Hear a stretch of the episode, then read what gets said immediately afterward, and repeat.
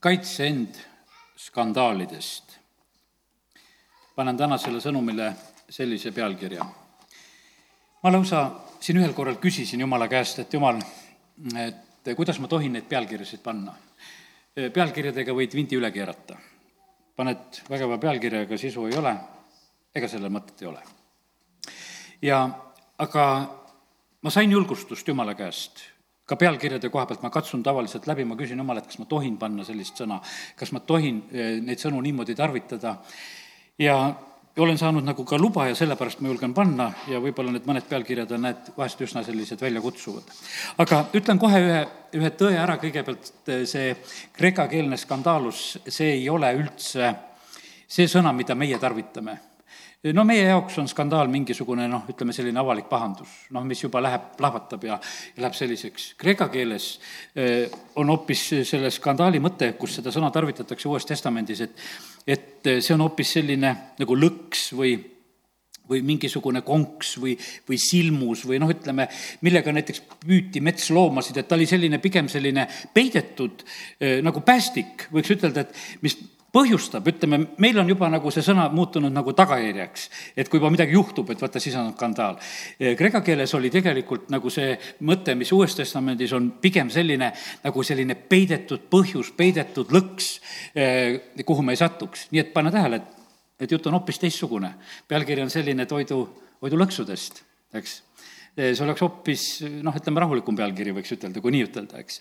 ja, või hoidu sellistest, noh, nagu ma täna nagu natukese räägin, et hoidu põlevatest nooltest, kaitse ennast ja hoidu komistamast, tähendab see samamoodi, seesama sõna, et, et ära mine komistuskivi otsa. Eh, eh, saab kurja teha, teate kuidas? no näiteks, et kui kuskil on mingisugune puuklots maas. no ütleme, et eriti, kui on kuskil töökoda. no see on selline tavaline, et kuskil saeti, midagi kukkus ja, ja no klots on maas. ja nüüd on niimoodi, et noh, selle, kes mööda läheb, võib selle rahulikult jala kanda ja see klots lendab minema, eks. aga kurja saab teha niimoodi, et, et kui sa selle klotsi paned kas kruviga põranda külge kinni või, või noh, või liimita sinna kinni, ta jätab sellise mulje et on üks klots lihtsalt vedeleb ja kui keegi siis jalaga sinna paugu paneb, siis oma varbata seal ära lööb. sellepärast, et ta arvab sedasi, et see on üks kerge ja liikuv asi. ja sellepärast, kallid, nii see on, et vaata, need komistuskivid, eh, millest ka täna eh, selle nagu teema kaudu nüüd natukese räägime, ongi sellised võib-olla noh, ütleme, ohtlikud, näiliselt nagu tühised, aga ohtlikud. Sellepärast, et vaata, sinna on midagi seatud nii, nagu hiirelõks on, et, et eh, ta on hiirele meelitav, aga ta on väga ohtlik, sest ta varsti püüab ja plaksatab. ja sellepärast eh, täna näed selline teema. kõigepealt loen Efesuse kirja kuuenda peatüki kuueteistkümnenda salmi ja Paulus seal Efesuse kirjas õpetab meile seda sõjavarustust. ja, ja see usukilp, millest nüüd siin loeme, see ongi see põhiline selline meie kaitsevahend ja, ja täna meie, need oleme ka Jumala ees ja ma usun sedasi, et Jumal aitab meil täna eh, seda kilpi paremini kätte võtta ja ma olen saanud ühe sellise sõnumi, mida siit eh, oma kaustikust ka vaatan ja, ja tahan nüüd jagada ja, ja loeme selle salmi kõigepealt siis, kuus kuusteist. kõigepealt võtke kätte usukilp, millega te võite kustutada kõik kurja põlevad nooled no siin on räägitud sellest, et see usukilp, et see, see on jumala sõna, samamoodi nii nagu päästekiiver ja vaimumõõk ja kõik see on selline. Ja kiitus Jumalale, et me saame kasutada jumala sõna, see on nii võimas asi. Ja, ja sõnast tuleb see usk ja vaata selle kilbi võtame kätte ja see on meie käes väga tugevalt. ja nüüd see on väga vajalik meile, sellepärast et kui tegu on nooltega, ma sain nagu sellise pildi, et vaata, kui nool lastakse noole peale tuleb väga kiiresti reageerida. seal ei ole kahtluseks aega. ja vaata, see on niimoodi, et, et hiljem siin kuskil mul on niimoodi öeldud, et isegi kui sa murdsekundi osa kahtled, lased noole läbi et sa kohe ei võta seda asendit, me teame praegu, kus on need sõjaseisukorrad ja, ja raketikilbid ja ütleme, kus pannakse need raketitõrjesüsteemid tööle ja oli seal Süürias, eks, et näed, et see üks kaitsesüsteem ei hakanud tööle, vaid see lasti hoopis puruks ja sellepärast, et kas ei olnud sisse lülitatud või noh, me ei tea lõpuni neid asju, mis on. aga põhimõtteliselt on niimoodi, et see, mis peaks kaitsma, me teame, et Iisrael suudab väga hästi võtta kõik need põlevad nooled alla, mis tulevad, valdavalt nad võtavad need alla või siis saadavad kuskile kõrvale või noh, igal juhul saavad selle asjaga päris hakkama. aga selle jaoks sa pead olema tegelikult väga val-, valvel. ja sellepärast usukilp peab olema käes valmisolek peab olema väga suur ja neid nooli tuleb, neid nooli tuleb väga mitmel moel ja mitut moodi. Need on põlevad nooled. Ja, ja siis on niimoodi, et, et kui saatan laseb neid põlevaid nooli, ta laseb neid noh, igal moel, neid tuleb noh, ütleme need tuleb valdavalt väga sageli tulevad inimeste kaudu, kui hakkame mõtlema seda, et, et igasugused sõnad ja jutud ja no vaata, meil ei ole palju vaja, et me süttime. Täna võib noh, ütleme korraks nagu ühe hetke teha siin väikese peatuse selliselt, et mõelda, et kus koha peal sa süttid sa võid igal pool süttida, autoroolis sütid, keegi sõidab mööda, tead, eks, ja hakkad ka rohkem gaasi vajutama, sest et vaata, midagi, tead, noh, sinust süüdati. muidu sõitsid rahulikult, aga siis äkki, äkki juhtus mingisugune häda, et sul on ka kangesti vaja sõita. ja, ja sellepärast on see nii, või on see, väga tihti on niimoodi järjekorrad poes järjekorrad, keegi tuleb ette, no ütleme, et sul on niisugune õigus või on arsti juures või kus, kus iganes sul see järjekord on või, või on see praegusel ajal, kellel on, ütleme, parkimisplatsi peal see kohavärk ja, ja mingisugused asjad, no isegi koguduses tool, näed, kolmapäeval pole häda, tead, leiate kohe, eks. aga see kõik võib olla niimoodi, et sa tunned, et sa oled häiritud, et keegi istus sinu koha peale või, või noh, midagi juhtus. ja, ja see süttimine käib nii kergesti ja sellepärast tänane see sõnum puudutab noh, ütleme väga tõsiselt kõiki valdkondasid, kus, kus kus meil on võib-olla sellised solvumise või haavumise põhjused, sellepärast et, et see tuleb nii tugevalt meie tunnetesse. või selle koha pealt on nii tohutult sõnu mis meiega juhtuda võib, me ärritume, solvume, haavume, saame vihaseks, no lõputult võiks hakata neid eh, tundevärke rääkima, mis meiega juhtub, kui meid natukene puudutada. aga vaenlane ongi väga huvitatud, et ta saaks eh, meist nagu läbi lasta, kähku sellest kaitsest läbi lasta, et ta saaks meie südant nagu süüdata. ja, ja sellepärast on see nii, et ja siis, kui juhtub nii, et, et see usukilp oli kuidagi ripakil, see põlev nool lipsas läbi ja, ja siis juhtub see, et eh, see süütab meie südame ja äkki me tajume, et olemegi mingisuguse tule all. oht on, teate, milles veel, mis ma sain? ja kui see tuli on siis nagu meisse tulnud, isegi ka see selline pahandumise, ärritumise, vihastumise tuli on lihtsalt meie sisse lipsanud siis see tundub, et see on meie oma. sest ta on ju meie südames. mina olen vihane, mina olen ärritunud ja minul on selleks õigus sest et ta tõesti on ju minu südames juba põlemas. ta ei oleks pidanud sinna saama põlema.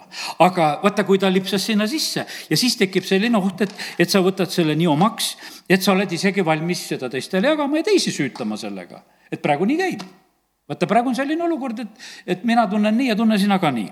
ja sellepärast nii see on. teate, jumal saab väga selgelt aru, kus on oma, kus on võõras tuli.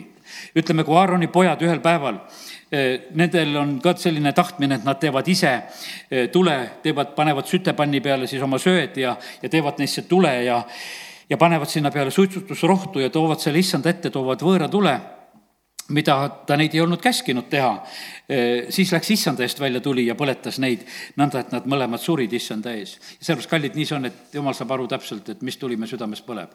ta tahab, et vaimuannid oleks lõkkele õhutatud meie sees et me noh, ütleme, et teised tõlked ütlevad selle koha pealt, et see tuli meie sees üldse ei kustuks aga eh, hullem veel, kui meie südametesse satub lihtsalt see kogemata kuskilt see võõras tuli, kui me ei olnud valg-, valvel ja, ja see jõudis meieni. ja sellepärast issand on võõra tule peale tegelikult väga kompromissitu. ja sellepärast tema reageerib selle peale väga tugevalt. Eh, kui jumala tuli langeb taevast nagu nelipühapäeval, siis on meeleparandus. siis ei ole vihakoosolekut siis ei ole teiste hävitamised, ütleme, et no siis ei ole segadust, siis ei ole isegi sellist ülemeelikust. see on, ütleme, meeleparanduse jaoks, jumala tuli on võimas asi meeleparanduse jaoks. see on nii hea asi, siis on niimoodi, et inimesed löövad vastu rindu, mis me peame tegema. Karmeli mäel, kui jumala tuli tuli, rahvas on maas, parandavad meelt kuulutavad seda, et issand on jumal. ja, ja sellepärast on see nii, et see on nii, nii hea, et jumala tuli saadab seda korda, võõras tuli Eh, tekitab segadust hoopis eh, ja võib-olla selles võib olla vaimustus, nii nagu see kuldvasika ümber tants, et noh, ütleme, et oledki vaimustuses, et kuule, asi läheb hästi. ja sellepärast on see nii, et see on nii lihtne ka vahest vaenlasel saavutada sedasi, et kuule, jumala rahvale korraldame ühe teise peo, pistame mingi tule, nagu Aaroni poegade moodi. et las teevad oma pidu seal ise omas jõus ja, ja selle tulega, mida mina annan. ja sellepärast, kallid, seda ei tohi olla, sest et jumal on väga halastamatu selle võõra tule suhtes. ta on nii halastamatu, panin niimoodi kirja, eh, see on nagu vale raha, mis halastamatult hävitatakse ja kelle käest see leitakse, on ka veel süüdi vaata, sa oled, sa oled süüdlane, kui sul on vale raha. no sa ei ole võib-olla nii suur spetsialist, et, et noh, aga kui sina lähed poodi vale rahaga ostma, arvesta, et sul on probleemid. uuritakse, kust sa võtsid, kust sa said, no miks see on sinu käes miks see niimoodi on, et sinu kätte on sattunud? ja sellepärast on see nii, et, et vale asjaga kokkupuutumine on ohtlik ja sellepärast Jumal ei taha sugugi seda, et meil Jumala lastena oleks pistmist nende valede asjadega. ja, ja sellepärast nõnda see on, et, et eh, täna oleme, näed, siin Jumala kojas saame selle väga tõsise hoiatuse. nii me saame hoiduda tegelikult nendest skandaalidest, nendest lõksudest, nendest põlevatest nooltest, nendest silmustest ja konksudest ja ei astu sinna päästiku peale, kui meil on tegelikult valvel olek ja usukilp on käes. jumala sõna, vaata, millest me täna räägime, vaata, see peab olema meil väga selge. See on niimoodi, et issanda kõned on puhtad ja need on nagu hõbe, mis savist ahjus sulatatud ja seitsmekordselt puhastatud. Ja sellepärast on see niimoodi, et vaata, see, mis on saanud, ütleme, meie ütleme sellesse kaanonisse, see on puhas sõna. seda võid lugeda see on nii kasulik, see on kontrollitud, see on, see on jumala poolt püha vaimu läbi inspireeritud, see on selge. jumala iga sõna on selge, õpetuse sõnad kolmkümmend viis ütleb seda. ta on kilbiks neile, kes otsivad kaitset temalt ja sellepärast on see, et kui ma täna räägin, et, et äh, nende äh, noortega hakkama saada, siis meil on seda jumala sõna kilpi vaja. ja, ja see peab olema see puhas jumala sõna äh, salm sada üheksateist, sada nelikümmend ütleb nii, et mis sa oled öelnud, on sulatatud väga selgeks ja su sulane armastab seda. sellepärast Jumalal on niimoodi, et Jumala sõna on väga puhas ja seda, seda me peame tundma. Ja kui me seda sõna tunneme, siis on see meile nii suureks õnnistuseks, siis me eristame ära, mis on vale ja siis ei tule meie suust valesid asju, siis ei ole meie suust seda vale tuld, kui seal südames ka seda ei ole. Jakobus hoiatab seda, et keel on see tuli ja, ja see võib süüdata põlema eluratta ja nagu ta isegi võib olla, näed, süüdatud põrgust. ja, ja sellepärast on see nõnda, et, et väga ohtlik on see, kui võõras tuli on meie eh, juures. me oleme erinevad inimestena mõned on, noh, ütleme, et lihtsalt loomu poolest emotsionaalsemad. Nad võtavad kergemini tuld nagu süttivam materjal, noh lihtsalt, et kõik, mis on, näed, kohe ruttu vaimustud. teine on rahulikum, vaatab seda asja, et kuule, et kas siin kohe tasub hüppama panna ja et vaatame selle asja ära, et kuidas see asi läheb. ja, ja sellepärast nii see on, et eks jumal teab meie igaühe sellist eh, olemust ka, aga eh, seda me ei pea kartma, et seda tuld, mida Jumal meile on andnud, seda hoia, seda, seda leeki hoia, seda hoia põlemas. ja, ja sellepärast nii see on, et kiitus Jumalale, et Jumal tahab, et, et see tuli meie sees võiks põleda ja see õige tuli, mitte võõras tuli. nii et eh, sellised mõtted sain kõigepealt nagu selle usukilbi ja nende põlevate noolte koha pealt. kõik nooled saab kustutada. kui sa võtad nüüd sõnast kinni, Paulus ütleb, et see on võimalik, et sa kustutad kõik tigedatulised nooled sa ei pea valest asjast süüdatud saama ja sellepärast kiitus Jumalale. ja usukilp päästab.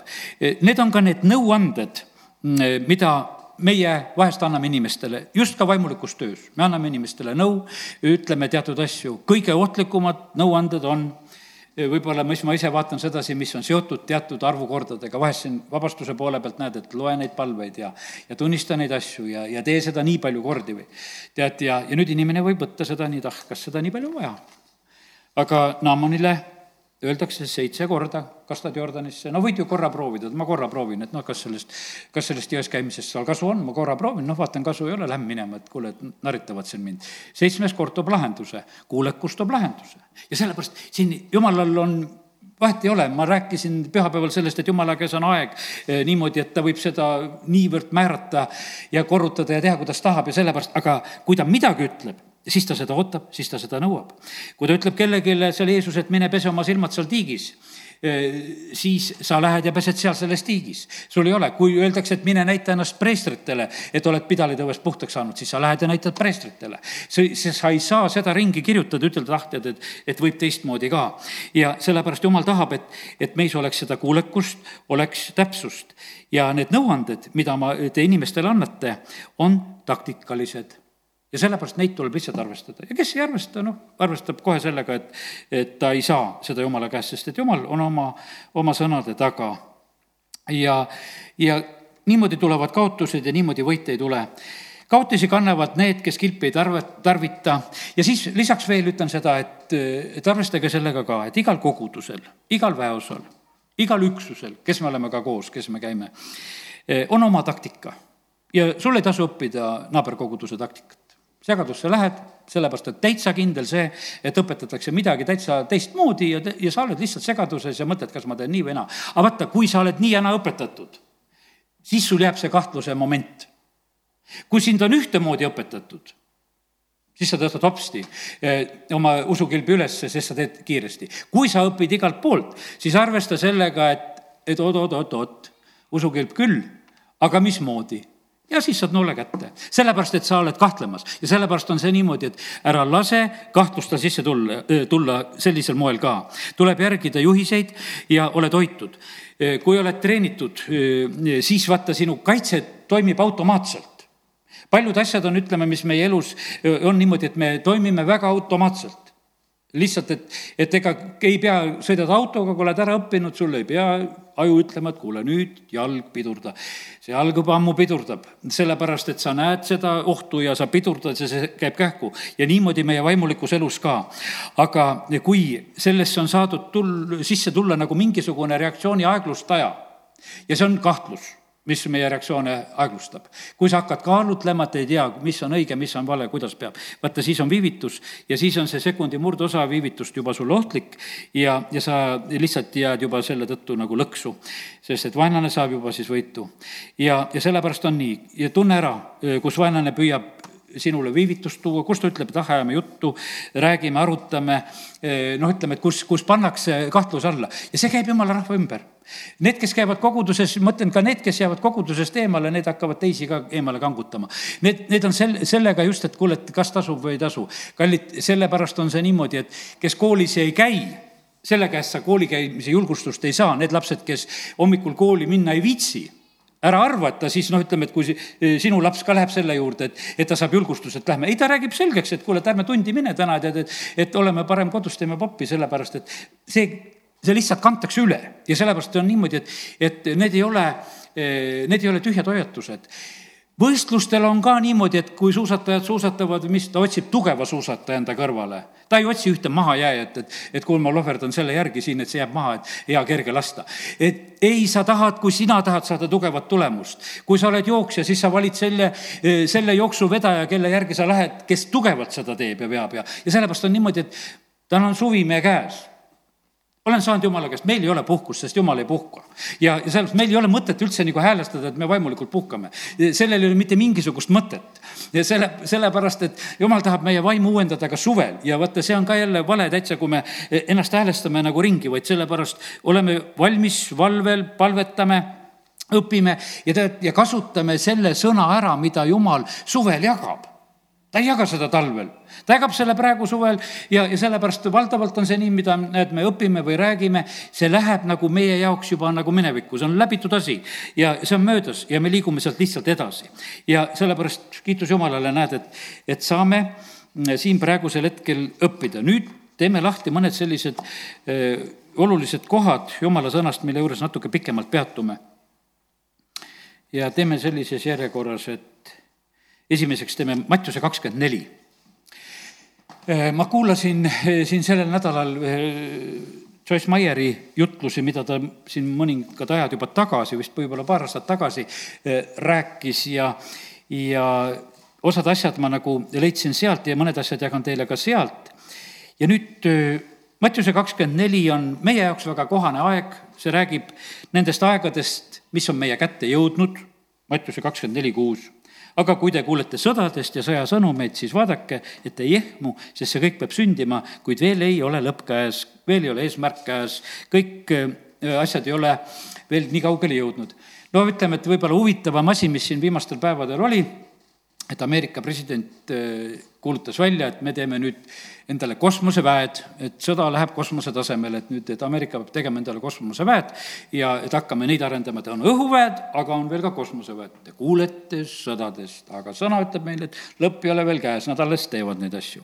ja, ja nad on, need sõjad kaugel ja lähedal, mis siin selles maailmas käivad, nendest me kuuleme, sest rahvas tõuseb rahva vastu ja kuningriik kuningriigi vastu, on näljahädasid ja paiguti on maavärinaid need maavärinad, need on otseselt räägitud just need seismilised asjad, mis on, aga kui need on meres, siis on need lainetused, siis on need, need tsunamid, nii et kõik need asjad sünnivad siin selles maailmas. see kõik on aga sünnitusolude algus.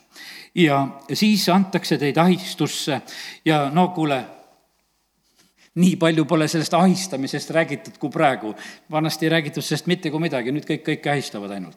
aga Jeesus rääkis juba sellest ammu ette, et siis antakse teid ahistusse, üks ahistamine siin käib ja otsitakse taga, kes keda ahistas.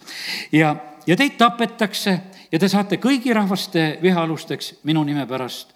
ja Jeesus ütleb meile julgelt välja sedasi, et ei, meid õnnista inimesed siin selles maailmas. selle maailma vürst on Jeesuse peale niikuinii vihane ja, ja sellepärast on see, et kui me issandat teenime, ei siis siin selles maailmas peame arvestama sellega, et, et see põhjustab vihkamist aga nüüd, nüüd ongi niimoodi, et on, ei ole selline meeldiv olukord. no meile meeldiks olla ikkagi, et oleks kogudus niisugune maa peal, et kõik austavad ja oi kui tore, et ikka kogudus ja et sa ka käid seal ja aga see ei ole nii, see, see ei saa mitte kunagi niimoodi olema, kogudus on austatud taevas, aga mitte maa peal, see on, see on taevane asi, sellepärast on ta nii, et, et nii ta on.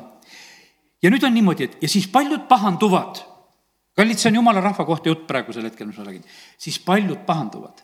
Ja ei mäleta oma lapsepõlvest saadik ka, vaata minu mälestus läheb üsna kaugele ja ma mõtlen sedasi, et kuskil nad oma viiskümmend aastat küll nagu mäletan koguduse ja jumala rahva elu, ka kas või otseselt siinsamas selles Võru linnas, ütleme, et aastast kuuskümmend seitse, kui lapsena siia tulin ja, ja lihtsalt mäletan jumala rahva elu. teate, mis siis oli koguduses? ei olnud pahandujaid, ei olnud ärajääjaid selliselt, nõukogude ajal niimoodi neid ei olnud. Need olid üksikud ja erilised juhtumid nii nagu ei olnud abielulahutusi, ei olnud neid asju, neid ei olnud lihtsalt. rääkimata veel jumala rahva hulgas, ei olnud seda. kes olid, tulid, need olid, need püsisid ja need püsisid aastakümneid, seal ei olnud mitte, mitte mingisugust. aga praegusel hetkel kõik kogudused võivad kindlasti panna pikad nimekirjad kokku nendest, kes on pahandunud, kes on eemale jäänud. sest sõna ütleb ka Jeesuse poolt juba, ja siis pahanduvad paljud ja teate, kallid, mis see sõna ongi siin pahanduvad? see ongi see skandaalus nüüd siin, millest siin jutt on. see ongi see skandaal. see ongi see lõks. see ongi see ärritus. see ongi see konks. see ongi see päästik, kuhu paljud lihtsalt astuvad. ja jumal täitsa lubab seda et need asjad niimoodi on. et need võimalused on, et inimesed saavad just seda kogeda ja seda eh, läbi elada. ja paljud solvuvad, paljud ärrituvad, paljud pahanduvad, paljud haavuvad ja paljud komistavad ja paljusid meelitatakse ja, ja paljud satuvad pattu ja, ja, ja paljud on ise komistuseks teistele ja, ja jäävad lihtsalt kuskile kinni ja, ja lihtsalt osad pettuvad ja, ja kõike on. ja selle nimel tehakse kõvasti tööd mõni tuleb kogudusse, jätkub neid, need sellised võib-olla eemale jäänud, need on, kes kohe teisele sellesama külge paneksid, kuule, ära käi seal, tead, et tead, et tege arvesta sellega, et no seda lihtsalt näed ja seda lihtsalt kuuled ja tajud ja mõistad sedasi, et osad inimesed on täitsa selle poolt eemale tiritud ja tõmmatud, kes on jäänud uskuma seda, seda lihtsalt, et inimene lihtsalt saab ära niimoodi kõrvale eh, tõmmatud. vaata, Jeesus hoiatab, ütleb sedasi, et aga vaata, kes sellega tegeleb, teate, mis ta nende kohta ütleb? Nendel oleks parem, kui veskikivi pandaks kaela, kes skandaalisid korraldavad, kes neid konksusid panevad, kelle kaudu pahandused tulevad. Nendel oleks parem, kui veskikivi pandaks kaela ja üldse merepõhja ära uputatakse. see oleks parem lugu. ja sellepärast ära kunagi saa kogudusest kellegi eemale pahandajaks. see on jube, see, seda ei tohi teha. siin Jeesus ütleb, hoiatab ette, et need asjad juhtuvad, et paljud pahanduvad, paljud reedavad üksteist ja paljud vihkavad üksteist, no tekib selline asi. aga ta hoiatab ette, kui Peetrus tuleb Jeesuse juurde, ütleb, et kuule, tead, et noh, parem, et kui sulle ei sünniks, siis Jeesus ütleb Peetrusele, et ära ole mulle selleks skandaaliks praegusel hetkel. ära ole mulle selleks kiusatuseks praegusel hetkel. just seesama on see skandaal. ja sellepärast on see niimoodi, et see tundus hea nõuanne justkui, et, et sa kannatama ei peaks. aga täpselt just vastupidi, Jeesus ütleb, et see ei kõlba. häda neile, kes ahvatlevad teisi patule see on Luuka seitseteist üks on räägitud just sellest patule ahvatlemisest, kes seda skandaali teevad. no kallid meie Jeesus on ise see pahanduskalju see, see just see skandaali kalju ongi. ta ongi see, kes on pandud ja sellepärast ma räägin seda, et, et see võimalus on olemas ka koguduse keskel ja Jeesusest enesest alates, aga Jeesus ütleb, aga õnnis on see, kes minust ei pahandu. vaata, nii proovitud on. vaata, taevas ei mõtle keegi ringi, et tühja kama siia sain et eh, ei osanud arvata, et sihukesesse kohta saan, sa oled kõik maa peal juba läbi mõelnud ja kõik oma võimalused lahti ütelnud ja, ja ära teinud siin maa peal, sa teed kõik lõpuni siin ära. aga seal ei ole seda, seal on niimoodi, et, et kes on sinna saanud, kui pulmariiet ei olnud, siis mõni veel visatakse lihtsalt välja, ütles kao minema, tead, et sul pole pulmariiet, sa ei sobi siia. ja aga, aga äraküsijaid me piiblist ei leia et keegi küsiks sealt taevast, et lubage välja, et ma tahan väljuda. see, seda, seda ei ole, et ilmaaegu sain siia tuldud, seda, seda ei ole. sellepärast, et kõik toimub siin selles maa peal juba ära. ja sellepärast kiitus Jumalale, et, et äh, nii ta on, et, et Paulus, kui ta ütleb sedasi, et, et kui me kuulutame Kristust, siis Kristus on juutidele skandaal ta on see ärritus, kui ta seal Korintuse kirjas üks kakskümmend kolm esimeses kirjas kirjutab seda. ja sellepärast on ta nii, et, et äh, ja ühe sellise hoiatuse, vaata, loen kohe selle ka ära. see on Rooma kirja eh, kuueteistkümnes peatükk ja seitseteist ja kaheksateist salm. Eh, loeme selle ära ja siis oleme veel natukene seal Mattiuse evangeeliumis ka. Eh, see on nii tugev hoiatus, mis kuusteist ja seitseteist, kaheksateist salm siis Rooma kirjast. ma palun teid, vennad, pidada silmas neid, kes tekitavad lõhesid ja pahandusi õpetuse vastu, kes tekitavad just skandaale, on seal need pahandused, on skandaalid, sageli eesti keeles on need äh, pahanduseks tõlgitud. mida te olete õppinud? hoidke neist eemale. kui neist eemale ei hoia, need võtavad su usukilbi reaktsiooni ära. Need võtavad su usukilbi reaktsiooni ära, sest ta räägib teistsugust juttu. nii nagu saatan Eevale seal aias, üks teistsugune jutt ja enam usukilp ei tööta. ja kurat saab läbi lüüa südamesse nii Aadamale kui Evale ja nad langevad pattu. sellepärast see taktika ei ole muutunud. E, siit saadik see käib nii, sest niisugused, kaheksateist salm siitsamast, sest niisugused ei teeni meie issandat Jeesust Kristust, vaid oma kõhtu. Nad petavad libedate sõnade ja ilukõnedega lihtsameelsete südameid. ma usun, et keegi meist ei taha olla lihtsameelne, eks, aga vaata, kui sa jääd kuulama, siis, siis juhtub see, et sa satud just sellisesse olukorda, et oled sa lihtsameelne, kes võtad selle mingisuguse ilukõne või libeda sõna, libedad sõnad vastu ja oled lihtsalt petetud. ja sellepärast, kallid, usukilp päästab nendest tulistest kõikidest nooltest. aga sa pead arvestama sellega, et see käib kavalalt ja, ja see ei, see ei ole naljahoiatus, mida tänasel eh, õhtul siin räägin ja, ja leian seda, et näed, et jumal annab ka kolmapäeva õhtuti rääkida selliseid teemasid, mis on meile tõeliselt kasuks, sest need hoiavad meid. nii et eh, nii ta on, aga nüüd olen natukene veel siin eh, selles Mattiuse kahekümne neljandas, nii et eh, pahanduvad paljud, redavad üksteist, vihkavad üksteist, see kõik tuleb nagu järjekorras. ja teate, mis siis edasi juhtub veel? mis on öeldud sedasi? ja palju valeprohveteid tõuseb ja need eksitavad paljusid. valeprohvetid saavadki tegeleda selliste inimeste peal vaata, kes on juba pahandunud, kes on juba kõrvale tõmmatud, vaata, ongi koht ja see, see käib nagu sellises järjekorras ja paljud valeprohvetid tõusevad ja neid tõuseb ja nad eksitavad paljusid. paljud on pahandunud, paljud on eksitatud ja palju on prohveteid ja, ja see värk kõik töötab niimoodi koos.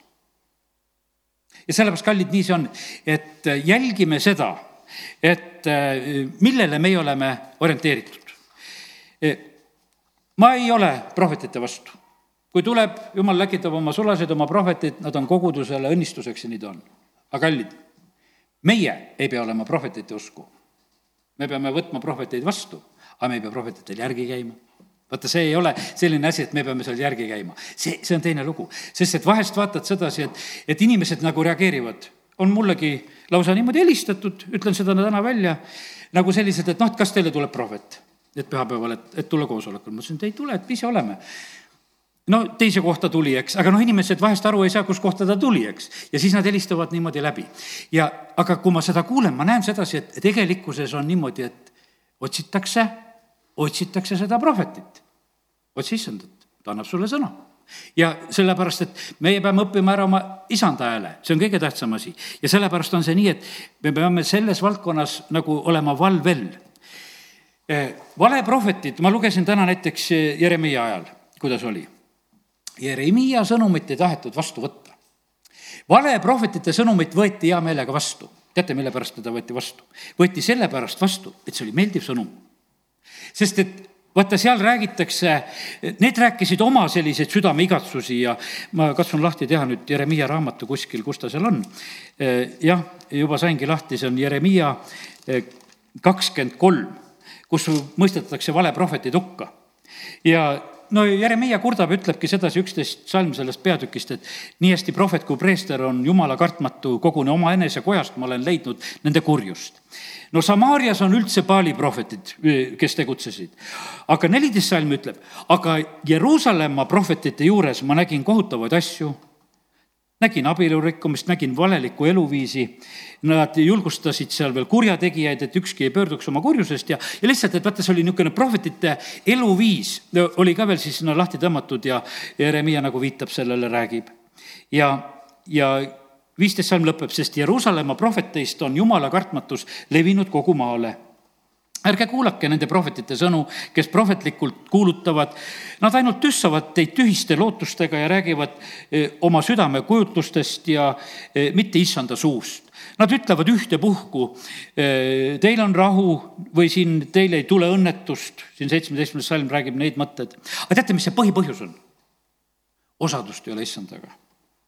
aga kes neist on olnud osaduses issandaga, kaheksateist salm ütleb, ja on näinud ja kuulnud tema sõna vaata, kui sa saad jumala käest sõna, see, see on see sõna, mis on vaja. sa võid unistada ja välja mõelda, mis sa tahad ja oma südameunistusi rääkida ja, ja, ja need on väga meeldivad. ja kakskümmend üks salm, Jeremiah veel ütleb, mina ei ole neid prohveteid läkitanud. Nad vaid ise jooksevad. Need ise käivad ringi, otsivad kohta, kuhu saaks tulla. et ku, kus saaks tulla, kus saaks käia, noh, ise käivad ringi mina ei ole neile rääkinud, vaid nad ise kuulutavad prohveti kombel. kui nad oleksid olnud minuga osaduses, siis nad kuulutaksid mu rahvale minu sõnu e, ning pööraksid neid nende kurjadelt teedelt. siis tuleks selle järel meeleparandus. läkitatud mees oli Risti Johannes ja oli prohvet. nüüd peame varsti jaanipäeva, eks, meie jaoks Risti Johannes tuletame teda meelde.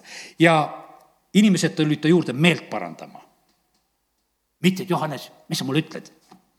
Johannes ütles talle, tead, kaks särki annan üks ära ja tead, ja parandama pattudes meest ja lase ennast ristida, tead, eks.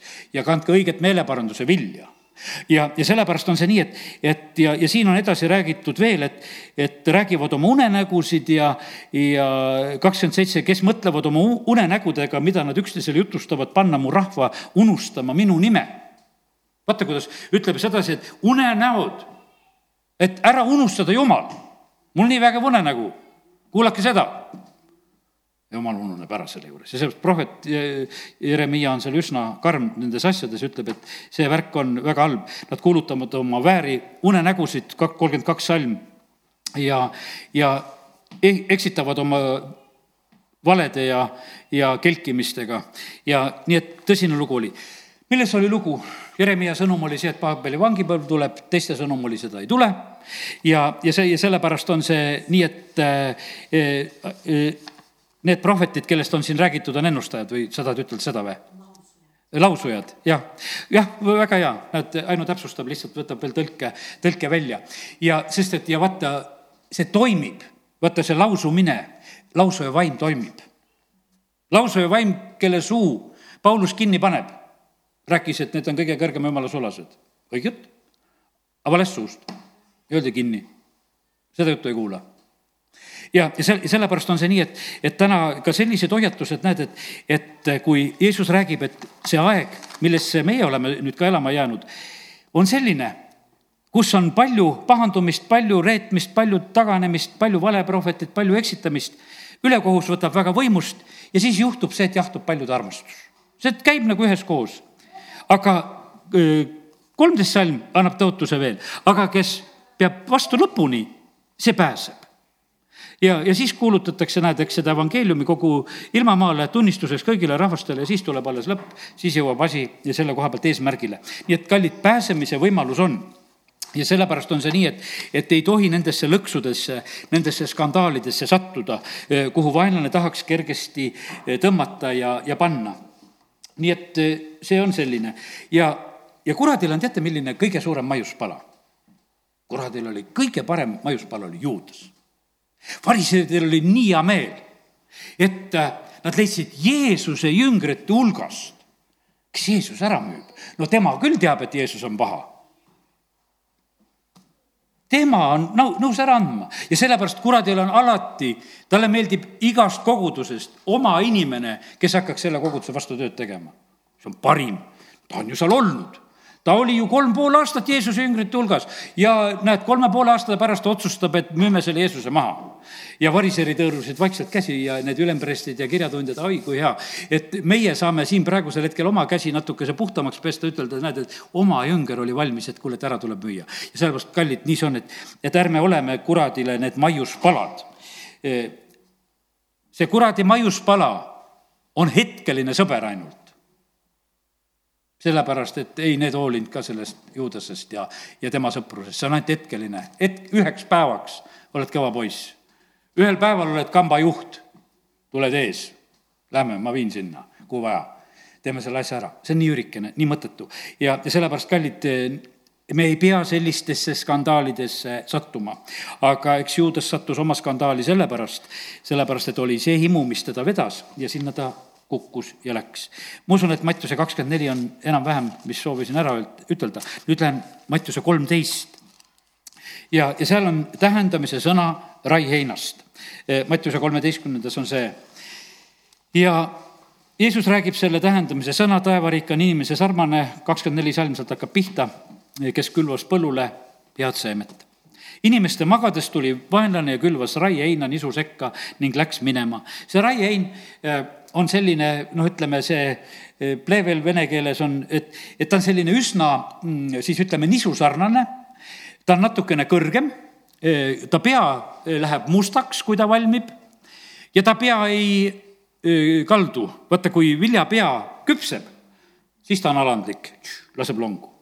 aga raiein jääb püsti ja ühel sügisel ma tegin tegelikult põldude ääres pilti. ma otsisin just sedasi, et, et kui viljapead juba langevad oma viljaterade raskuse all, siis ütleme, et see plevel või see raihein või, või see luste, nii nagu mõned tõlked seda ütlevad, eks, see jääb hoopis teise asendisse. vaata siis issand ütleb, et nüüd on see selge, et need tuleb esmalt kokku ära korjata ja põletada, sellepärast et nad ei ole mitte nii alandlikud, nende pea ei vaju ja, ja nad ei kanna õiget vilja ja sellepärast, aga vaenlane tuleb ja aga kasvu ajal ja teatud perioodil on nad nii sarnased, et raske on eraldada.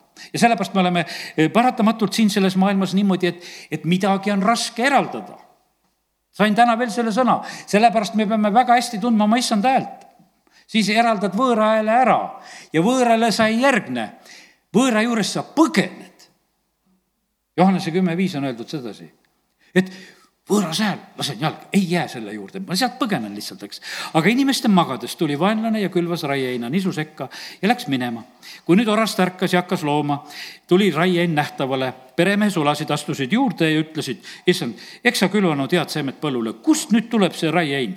Need sulased, näed, juba taipasid ära, et kuule, osa on siin ikkagi, võltsvärk on siin hulgas. et kust see tulnud on? Jeesus laulus, see on vihamehe töö. Mitte ainult mina ei kuuluta, teised ka kuulutavad, et, et nii ta on, et ma võin kuulutada, kuulutada, aga teised ka kuulutavad, ka nad tahavad ikka sama põllu peale ka natuke seemet visata. viskame sinna Toivo põllu peale ka, viskame ikka sinna ka midagi, et ikkagi oleks seal ka midagi kasvamas. Nad teevad seda, noh, midagi teha ei ole, see on see vihamehe töö me ei saa põllulaeda ümber niimoodi teha. ja sellepärast nii see on, et me peame sellega arvestama.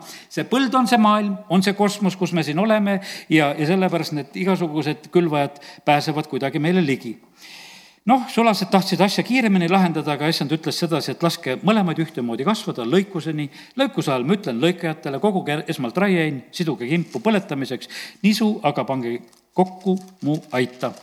see oli selline tähendamise sõna, mida Jeesuse jüngrid kodus küsivad üle. kolmkümmend seitse salm, see lugu jätkub ja tema kostis noh, kolmkümmend kuus salm, nad küsivad, jüngrid astusid ta juurde, ütlesid, seleta meile tähendamissõna raieinast, kui rahvas oli laiali ja oli juba kodu tuldud. ja tema kostis ja, ja siis ütleb niimoodi, hea seemnekülvaja on inimese poeg, jumala käest, näed meile läkitatakse hea sõna. see on see puhas, see seitsmekordselt sulatatud, antakse meile see puhas sõna. me saame seda võtta, see on meile õnnistuseks, selle võtame vastu, seda head seemet, kiitus Jumalale külvatakse. ja põld on maailm, on see kosmos või see inimkond hea seeme on kuningriigi pojad, vaata, ka meie kaudu peab tulema seda head sõna, et me oleme siin natuke seda poegade lugu ka õppinud ja kuningriigi pojad on see hea seeme raieinad on aga kurja pojad, ka pojad, aga ainult kurja omad. ent vihamees, kes neid külvab, on kurat või see diabolos, on otseselt selle, nende ideede pilduja, kes püüab siis pilduda neid valesid ideesid, püüab, et need nooled läheksid läbi usukilpi käes, ei ole, vaatab, sellele saan visata, las võtab vastu. ja nüüd on nii, et ja siis lõikajate, lõikus on ajastu lõpp, lõikajad on inglid, kui nüüd raienad korjatakse siis kokku ja tulega ära põletatakse siis need asjad tehakse ajastu lõpul. inimese poeg läpitab oma inglid ja need korjavad tema kuningriigist kõik pahanduse ja ülekohtu tegijad, vaata see kolmteist nelikümmend üks on nüüd, vaata see skandaalid korjatakse ära, kõik need lõksud, need päästikud, need pahandused, need komistuskivid, need, kes on nende tegijad vaata, oled, võiks ütelda isegi niimoodi, sa oled koguduses ja on lõksu tegijad, on pahanduse tegijad, on konksu panijad, on kohal. ja neid ei korjatagi ennem ära ja alles siis ja sellepärast meie peame arvestama sellega, et, et need kiusajad on olemas kui olemas, sellepärast et jumal lubab, et need asjad niimoodi on. inimese poeg eh, läkitab oma inglid ja need korjavad tema kuningriigis, no kuidas tema kuningriigis siuksed saavad olla? aga näed, siin maa peal saab kõik olla.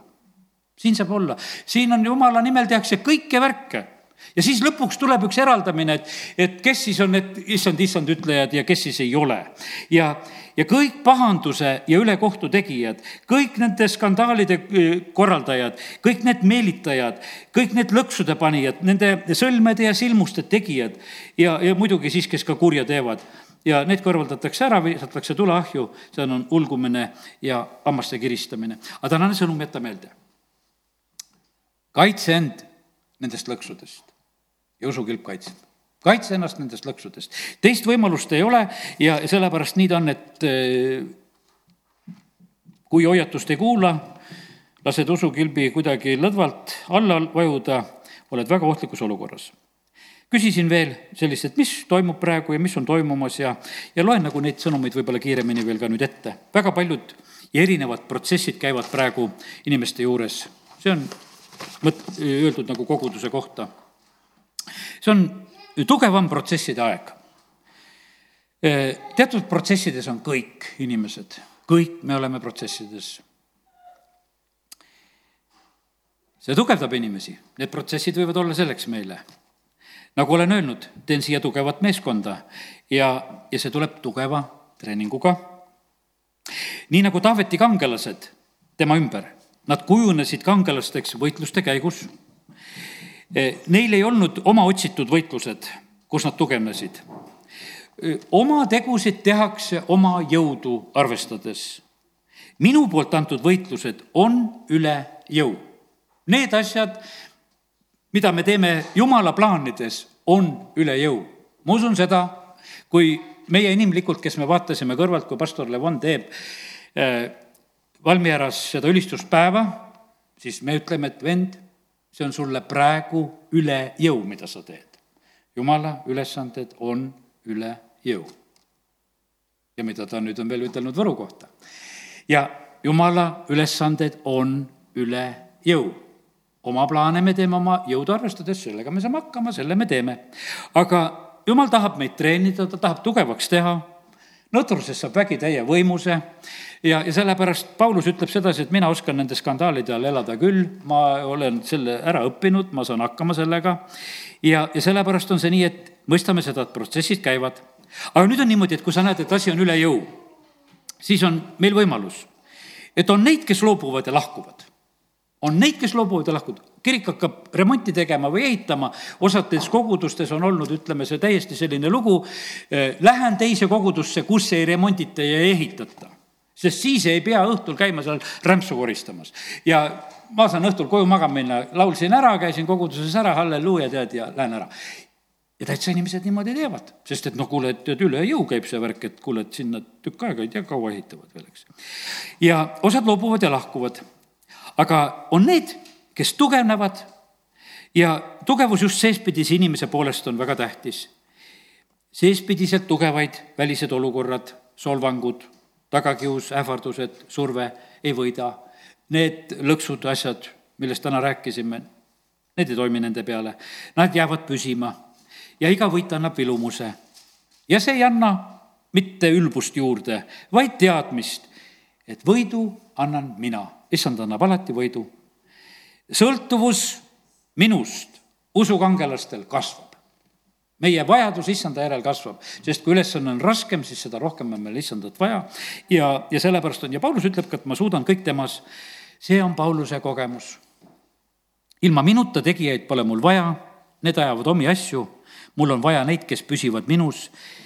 Need kannavad vilja mulle ja see austab isa ja sellepärast jälgime seda, et ärme ole mures, need ülesanded, mis issand annab, küll ta hoolitseb nendes olukordades ka. tema teab, mis on ees, ta teab, mis on tulemas, hoolitsen sinu ja pere ja koguduse eest. kui te mind kuulate, saan teid kasutada. kui mina teid kasutan, seal on minu varustamine. nii nagu oli telgi ja templi ja laeva ehitamine seal ei olnud juttu puuduvatest töötegijatest või materjalidest, töölistel oli oma toit, nii nagu sinu isa, Baldur, ehitas Elvas. rahad, materjal, töölised, toit, see kõik oli. väga korralik toidu tegemine käis ehituse perioodil sest et töölised ei jaksa muidu teha, kui nad tühja kõhuga tulevad töölt peale tööaega, nad pidid saama süüa nii lõuna ajal, kes päeva ajal tegid ja, ja see oli, toidu osa oli väga tähtis. ja sellepärast nii ta on. see oli minu korraldamise tõttu. Neeme ehitas samamoodi, kui loed Neeme raamatusse, söögiosa oli nii tähtis, jumal hoolitseb selle eest. Need olid su isa ja ema ilusad aastad minu riigis. õnnistan sind paljuski, su isa pärast ja mu poegasid, see on natuke liiga isiklik siit, ma selle koha peal praegusel hetkel lõpetan. kiitus Jumalale selle eest. ja tänasel päeval sain veel ühe sellise rahustava sõnumi ära jookse ringi kõike ise päästes. noh, mõtlesin teatud ülesandeid, asju, mida peaksin tegema. issand ütles, et istu laua taga, pane praegusel hetkel kirja. ma olin väga tänulik, et ma sellel hetkel ei läinud muid asju tegema, hakkasin kirja panema ja näed, täna saan teile seda praegu jagada ka, selle ka veel jagan. ja ei ole vaja kõike siis päästa ise või niimoodi ringi joostes ja tegutseda, seda pole vaja on vaja minu läkitust. on vaja minu saatmist ja issand ütles, et loe eh, minu läkitamiste ja saatmiste kohta ja siis ma hakkasin täna natukese eh, just Uuest Testamendist vaatama neid, eh, lugesin neid läkitamisi saatmisi. tegelikult Jeesus läkitas väga vähe ta läkitas kord oma kaksteist, ta läkitas oma seitsekümmend, ta läkitas seal, ütleme, noh, eesleid tooma, ta läkitas paasa sööma ja tuba valmistama, teatud asju ta läkitas tegema, üldiselt väga vähe Jeesus sellel perioodil läkitab. mida ta tahtis, et jüngrid oleksid temaga. põhiline oli see, et nad oleksid. Seda pidi kõige rohkem olema. hiljem ta lõpuks läkitab, ütleb, et minge kuulutage. ja, ja ütles, et näed, et läkitan teid ka teiste vaevavilja lõikama, nagu Johannese evangeeliumis ütles. aga üldiselt oli see väga tähtis asi. sellepärast, kallid, ma ütlen täna, kõige tähtsam on see, et olla issandaga. kõige tähtsam on see, et olla issandaga. sest eh, õpilased peavad olema oma issandaga. läkitan siis, kui nad olid küpsed. Eh, paljud ootavad läkitust olemata minuga. sest et noh, vägev on ju midagi teha, käia, korraldada, olla. aga see on vale, paljud ootavad läkitust olemata minuga. minuga olemine ei ole raamatute lugemine. minuga olemine on oma raamatu kirjutamine. täna sain sellise sõna see ei ole teiste raamatute lugemine minuga olema, see on teiste olemine issandaga, mida sa loed. see ei ole keelatud, see on vajalik ja hea. aga see ei ole issandaga olemine, sest iga jünger oli isiklikult oma issandaga. keegi ei olnud, et Peetruse kaudu, et mina Peetruse jünger ja, ja ei, kõik need kaksteist olid isiklikult oma issandaga ja sellepärast on see niimoodi, et jumal ei ole seda absoluutselt muutnud. minuga olemine ei ole koosolekud minuga olemise ei ole konverentsid, ei ühised palved, ei koolid ja asjad. selles mõttes, need kõik on head asjad, need ma ei tee tühjaks, eks, need on olulised ühised asjad. aga need ei asenda sinu isiklikku olemist siis issandaga. ja nüüd on selline aeg kätte jõudnud, et me, ma usun, et juba kuulete ka, et tahetakse lastele teha niimoodi, et koolis hakkavad käima, et kodutööd ei anta. saan täna nagu sellise mõtte siia selle koha pealt Need on iseseisvad hetked lastele, mis on väga olulised. ise mõelda, ise küsida, ise lahendada, ise vastata. Need tahetakse nagu neid asju ära võtta, et õpime ainult kõik koolis läbisegi seal. aga iga iseseisev töö aitab õppida ja leida kogemust, kuidas suhelda minuga iseseisev asi on nii tähtis, et see aitab tegelikult Jumalaga suhtlemist. minuga olemine on väga oluline praegusel ajal, kus on väga palju eksitavat ei jõua olla sulle teised nõuandjaks. ja see, ja sellepärast on see niimoodi, et Jeesus ütleb oma jüngritele, et olge minuga. prohvet Rist Johannese juurest, ta jüngrid tulid Jeesuse juurde. mitte Jeesus ei saatnud neid prohveti juurde, vaid nad tulid Jeesuse juurde, Jeesuses on meil kõik. sellepärast prohvet, õpetaja, karjane, kõik on olemas.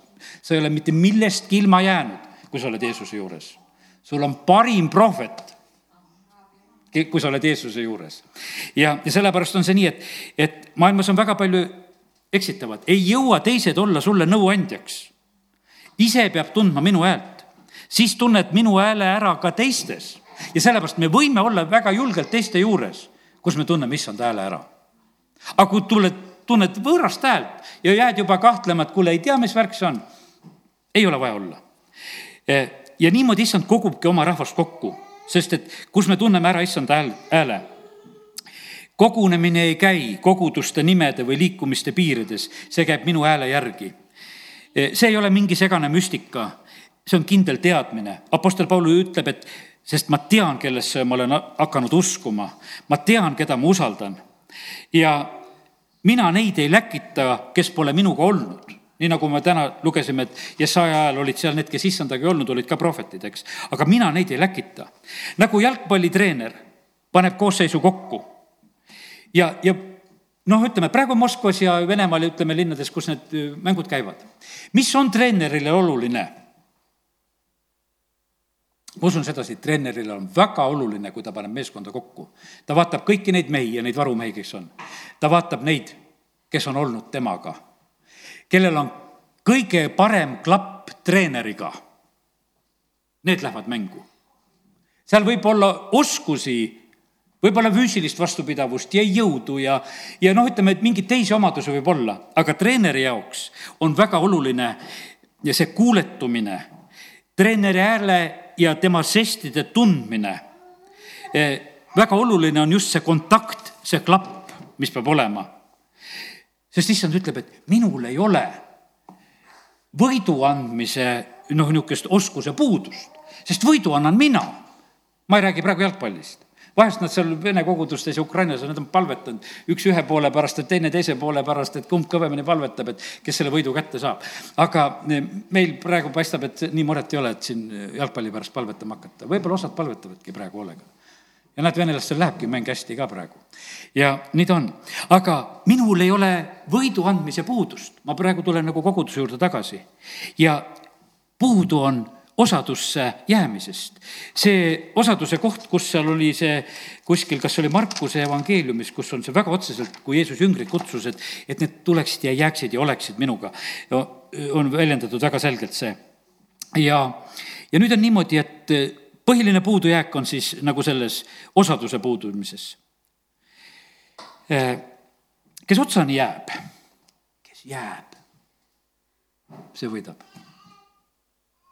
kes jääb. me oleme nii, kes teeb. kes jääb, see võidab. ta ütles, et me tegime. aga ma ütlesin, issand, ma ei tunne. aga need jäid ja vot neid ma tunnen. Valeprohvetitel on vale jutt, sellepärast nad ei ole minuga. jutt, meie jutt üldse tuleb sealt, kus me oleme see tuleb kas telekast või internetist või Facebookist või, või kus iganes. meie jutt tuleb sealt, kus me oleme vaata, praegusel hetkel on, kiitus Jumalale, me oleme Jumala sõna juures. ja ei tule praegusel hetkel nagu neid, pigemini võib juhtuda niimoodi, et Facebooki lipsab noh, mingi siit mõte nüüd hoopis nagu vastassuunas, eks. aga ta vähemalt ei tule nagu sealtpoolt praegusel hetkel meile. kui oled minuga olnud, oskad olla ka ühiskonnas, oskad olla Facebookis, oskad olla teistes keskkondades. kui oled minuga olnud, kui ei ole minuga olnud, ei oska olla, paned jama sinna kirja ja sest, et eh, kus on minu hääl, eks, vaata, ja minu juhatus, siis see hoiab õigel teel. siis sa ei järgi valet häält. ja see Johannese kümme viis, võõra häält nad tunnevad ära ja nad põgenevad selle võõra juurest. ja see on radikaalne õige tee hoidmine. Eh, rallisõitjad, täna kuidagi nii palju niisuguseid spordinäiteid jumal need andis siin päeval. rallisõitjad ikkagi, no niisugune autojuht mina olla ei tahaks et teine ütleb mulle, see käik, see kiirus ja see kurv. rallisõitja saab juhised õigel ajal. ta peab usaldama kiirust, käiku ja suunda, mida, eh, mida ta kuuleb. talle öeldakse ja ta teeb selle öeldu järgi kiiruse ja kõik selle suuna ja kõik selle arvestab öeldu järgi. mitte nägemise järgi, vaid öeldakse ta tähendab, öeldu järgi sõidab, sest et see, kes ta kõrval on, loeb kaarti ja ütleb, nüüd on selline kurv ja selline kiirus ja niimoodi me läheme siit läbi. kobades ei tule võitu, vaid kuuldes tuleb võit. sa usaldad ja sa paned maksimaalselt selle kiiruse, selle käigu ja sa lähed sellesse kurvi, nägemata sellepärast peab rallisõitjatel tee puha sees olema, seal ei tohi kedagi olla, sellepärast et nad ei vaata ju. Nad sõidavad kuulmise järgi kui nad vaatamise järgi sõidaksid, siis nad võitjad ei oleks. Nad on kuulmise järgi sõitjad ja nad on võitjad. rallisõitja käib usus, mitte nägemises, sellepärast eh, peab rada olema vaba. Usk on nägemisest ees. kui käite minuga, siis käite minu hääle, see tähendab usu järgi, siis käite mitte nägemises usaldage minu nägemist, ütleb issand. mina näen, mina juhin, mina hoian teid õigel teel. seisma jäävad usuteel need, kes tahavad, tabavad olukorda ja,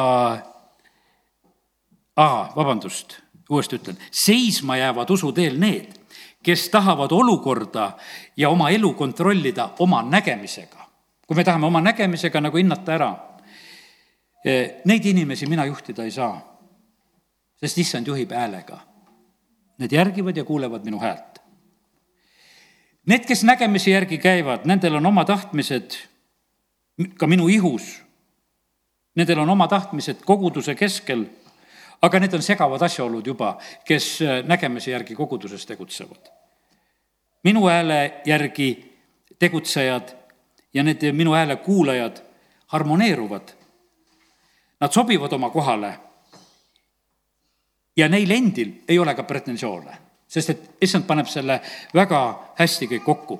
nii et kallid, hoiduge skandaalidest, amen. Tõuseme. halleluuja, isa, ma tänan sind, et sa oled meile oma hääle andnud.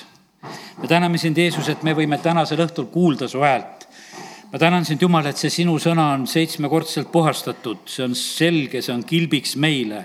issand, sinu kõned on puhtad, need on hõbe, mis on savist ahjus sulatatud ja seitsmekordselt puhastatud. me täname sind, Jumal, et me võime seda tõde praegusel hetkel õppida ja me oleme hoitud valedest häältest, me oleme hoitud valedest meelitustest, me oleme hoitud valedest lõksudest. me oleme hoitud nendest komistuskividest, kuhu me ei pea komistama kiituse tänu sulle.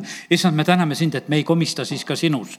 me ei pahast, pahandu sinust. isa, kiitus ja tänu ja ülistus sulle me täname sind, Jumal, et, et sa oled täna ütelnud, et me püsiksime, oleksime, jääksime.